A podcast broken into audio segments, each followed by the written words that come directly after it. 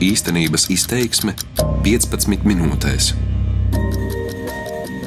Grausti nerotā nevienas pilsētas seju, par to šaubu nav. Tomēr galvaspilsētas pašvaldības pēdējā laika aktivitātes radījušas jautājumu, vai Rīgas doma, izmantojot pašvaldībām ar likumu piešķirtās tiesības, piemērot paaugstinātu nekustamā īpašuma nodokļa likmi, brīžiem nepārsteidzas, vidi degradējošu objektu sarakstā iekļaujot arī ēkas, kuras nosaukt par graustiem īsti nevar.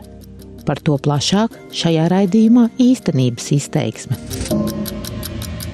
jēdzienu grausts visumā jāsaprot vienkārši būvtehniski ļoti sliktā stāvoklī esoša ēka, kura nu, var apdraudēt gan cilvēku veselību un pat dzīvību. Tā jautāts par to, ko arhitektu un būvniecības speciālistu ieskatā vispār var uzskatīt par graustu, atbild Rīgas Tehniskās Universitātes arhitektūras un pilsētplānošanas fakultātes profesors Jānis Krastiņš. Tomēr ne visos gadījumos tas tā ir steigšas piebilst speciālists. Teiksim, viduslaika pilsdrupas, nu, kas ir acīm redzams drupas, bet tās ir augstākās kategorijas kultūras pieminekļi. Tie iedzieni katrā gadījumā uh, nesavietojam kultūras piemineklis un grausts.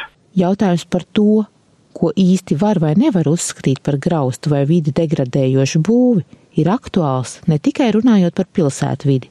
Jau vairākus gadus likums par nekustamā īpašuma nodokli vietvarām piešķīris tiesības cīņā pret šādām būvēm izmantot arī nodokļu politikas instrumentu, proti paaugstinātu nekustamā īpašuma nodokļa likmi. Šīs tiesības izmanto daudzas pašvaldības, bet īpaši aktīva šajā ziņā ir galvaspilsēta Rīga. Saskaņā ar domas īpašuma departamenta apkopoto informāciju, kopš 2012. gada par graustiem atzīto būvju skaits pieaudzis vairāk nekā divas reizes. Pērn graustu sarakstā iekļauto ēku skaits sasniedzis teju 600. Vēl krietni straujāk augusi summa, kas iekasēta paaugstinātā nekustamā īpašuma nodokļa veidā, proti ja 2012. gadā vidi degradējošo ēku īpašnieki pilsētas budžetam paaugstināta nodokļa veidā samaksāja aptuveni 15 tūkstošus eiro, tad pērn, tas ir 2017. gadā, jau vairāk nekā 1,9 miljonus eiro. Rīgas domas pilsētas īpašuma komitejas priekšsēdis Oļegs Burovs saka, ka galvaspilsētas pašvaldība Pret vidi degradējošām būvēm cenšas cīnīties gan ar burkāna, gan ar pātagas metodēm. Burkāns šajā gadījumā ir iespēja pretendēt uz pašvaldības līdzfinansējumu kultūras pieminekļa statusā esošu ēku atjaunošanai. Pašvaldības līdzfinansējuma apmērs var sasniegt pat pusi no kopējām izmaksām, taču projektu pieteikumos norādītais līdzfinansējuma apmērs krietni pārsniedz summu, kuru Rīgas doma atvēlējusi šai programmai. Šogad pieteikti vairāk nekā 130 projekti par kopējo summu vairāk nekā 2,2 miljonu eiro. Tomēr bez pātagas metodas iztikt nevarot. Ja tu to nesaproti, tad tu maksā paaugstināt nodokļu likme, un vēl, ko mēs šobrīd darām aktīvi, tu saņem sodu un sodi lieli. Tagad, kad spēkā stājušies 2015. gadā pieņemtie Rīgas domas saistošie noteikumi, vidi degradējošo ēku sarakstā nonākuši arī nami, kas plašākajai sabiedrībai diez vai asociējas ar graustiem. Par skaļākajiem piemēriem var minēt 1900. gadā uzcelto jūgenstila namu Rīgā, Brīvības ielā 55, kur atrodas ekonomikas ministrija, arhitekta Ernesta Poles projektēto ēku Brīvības un Elizabetes ielas stūrī, kur mīt divi kādreizējie valsts prezidenti - Gunts Ulmans un Vairavīķa Freiberga, kā arī māju, kurā atrodas Latvijas Nacionālā Mākslas muzeja izstāžu zāle Arsenāls. Jā, maija ir tehniski droša, bet viņa degradē vide, boja pilsētas ainavu fāsādes elementi atsevišķi. Ja? Tādas mājas ir šobrīd 66. Šīm mājām arī mēs piemērojam paaugstināt nodokļu likmi. Tā Rīgas domas pilsētas īpašuma komitejas priekšsēdētājs Oļegs Burovs, kurš vienlaikus ir arī vidi degradējošo būvju komisijas priekšsēdis.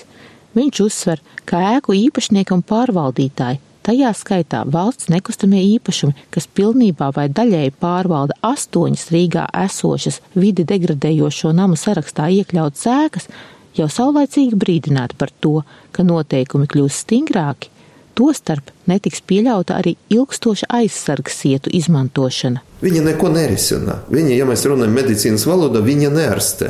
Ja ir kaut kāda fasādes defekta, piestiprina šo zāļu sietu, un man tāda sajūta, aizmirsta par viņu un ar vieglo sirdi staiga tālāk un viss. Viņa prāt arī finansiālu atbildību par to, ka ēkas nonākušas vide degradējošo objektu sarakstā, jāuzņemas valsts nekustamajiem īpašumiem. Šo starpību starp paaugstināt nodokļu likmi, to deltu, lai maksā valsts nekustamiem īpašumiem, tad šajā gadījumā viņi būs ieinteresēti šo īpašumu sakārtot. Tā valsts nekustamiem īpašumiem pozīcija ir tāda, ja valdība piešķirt līdzekli, tad mēs to izdarīsim. A, ja nē, nu tad lai viena vai otra ministrija maksā paaugstināt nodokļu likmi. Komunikācija Rīgas domus pamatā šajos jautājumos notiek saņemot eh, administratīvo vai būvju izvērtēšanas, būvju sakārtošanas pārvaldes eh, rakstītās vēstules, pēc kuras mēs arī redzam, vai Rīgas doma redz, ka šī ēka varētu būt atbilstoša kādai no šiem vidu degradējošiem būvju statusiem. Saka valsts nekustamo īpašumu valdes priekšsēdētājs Rolands Neimanis, norādot, ka atbilstoši saistošajiem noteikumiem galvaspilsētā izveidotajā vidi degradējošo būvju sarakstā var nokļūt arī par sīkumiem. Ēku atbilstoši kādai no šīm grupām var kvalificēt arī teiksim, tikai, ja ir caura, notek caura lietas ūdens vai kaut kāda cita, teiksim, fasāde, plaisas fasādē. Tomēr praksē šāda piekasīšanās sīkumiem nesot novērota. Tāpat pašvaldība bez ierunām izslēdzot no vide degradējošo būvju saraksta tās ēkas, kuras ir sakārtotas, apgalvo valsts nekustamo īpašumu valdes priekšsēdētājs. Teiksim, vakar mēs eh, saņēmām būvju sakārtošanas pārvaldes eh, lēmumu, ka ir atcelts eh, šis degradējošais status ēkai Citadelas ielā viens, jo mēs tur esam fasādi, mēs viņu neesam saremontējuši, mēs esam novērsuši minētās pirms tam domas minētās nepilnības un status status uzreiz tiek atcelts. Jautāts par iemesliem, kādēļ vidi degradējošu namu sarakstā nonākusi ekonomikas ministrijas ēka brīvības ielā 55 un klasicisma stila nams, kurā atrodas Latvijas Nacionālā mākslas muzeja izstāžu zāle Arsenāls, Neimanis uzsver, ka šie ir gadījumi, kad atbildība par namu fasāžu uzturēšanu gulst uz nomniekiem. Ēkas tika nodotas lietotājiem, vienā gadījumā ekonomikas ministrijai, otrā gadījumā Latvijas Nacionālajam Mākslas muzejam, ar uzdevumu pašiem par šo ēku rūpēties, pašiem viņu remontēt, pašiem viņu apsaimniekot. Valsts nekustamo īpašumu iespēja šīs ēkas un pienākumu šīs ēkas uzturēt līgumā ir pateikts, ka mums tas nav jādara. Savukārt par pašā galvaspilsētas centrā iepratim ministru kabinetam esošā nama brīvības ielā 38 fasādes atjaunošanu esot jāvienojas ar citiem ēkas īpašniekiem un pārvaldniekiem skaidro Neimans. Pārvaldam tikai ceturto daļu, tas ir divus dzīvokļus. Ēkas fasādes remonts tiek uh, pielēmts uh, dzīvokļu īpašnieku kopsapulcē. Kopējā paaugstinātā nekustamā īpašuma nodokļa summa, kas jāmaksā valsts nekustamajiem īpašumiem, nav īpaši liela - vien aptuveni 20 tūkstoši eiro gadā Valsts nekustamo īpašumu valdes priekšsēdētājs stāsta, ka pagaidām paaugstinātais nekustamā īpašuma nodoklis nedz ekonomikas ministrijai, nedz Latvijas Nacionālajiem mākslas muzejam nav jāmaksā, jo līdz 2020. gadam īpašumi, kas tiek izmantoti valsts institūciju un, piemēram, muzeja vajadzībām, no nodokļa ir atbrīvoti. Tas nozīmē, ka pārvaldniekam vēl ir iespēja panākt šo namu izslēgšanu no vide degradējošo būvju saraksta. Laika gan nav daudz. Viens no pirmajiem darāmo darbu sarakstā esot arsenāla rekonstrukcijas projekts. Šā gada valsts budžetā ir paredzēta nauda arī ekonomikas ministrijas ēkas defektu novēršanai. Jau izsludināts iepirkums, taču Neimanis lēš, ka ar budžetā atvēlēto summu nepilniem 150 tūkstošiem eiro būs par maz, lai nama fasāde savestu pilnīgā kārtībā. Vajadzīgi projekti, kas aizņem apmēram gadu vēsturiskai ēkai. Iepirkums plus projektēšana attiecīgi pēc tam būdara. Mēs arī redzam, ka tie varētu būt, ka līdz 20. gada sākumam mēs varētu vismaz vecrīgas vēsturisko centru, kas attiecās uz valsts nekustamiem īpašumiem, savest kārtībā. Tikmēr jautājums par to, vai galvaspilsētas pašvaldība nav pārlieku plaši interpretējusi jēdzienu grausts, ar vienu paliek neatbildēts. Vide degradējošo būvju komisijā kas ir pašvaldības saistošo noteikumu galvenais piemērotājs, pārsvarā ir tieši Rīgas domas un tās institūcija amatpersonas. Bieži eh, nu, šādi eh, administratīvo institūciju pieņemtie noteikumi lielākoties ir pat ne jomas eh, lietpratēji veikums, jo bieži vien ļoti ņem visu vērā kādu juristu formulējums un ieteikums, un bieži vien normatīvos aktos ir tādi termini pat lietoti, kuru šīs jomas profesionāli nelieto spriež Rīgas Tehniskās Universitātes arhitektūras un pilsētu plānošanas fakultātes profesors Jānis Krastiņš.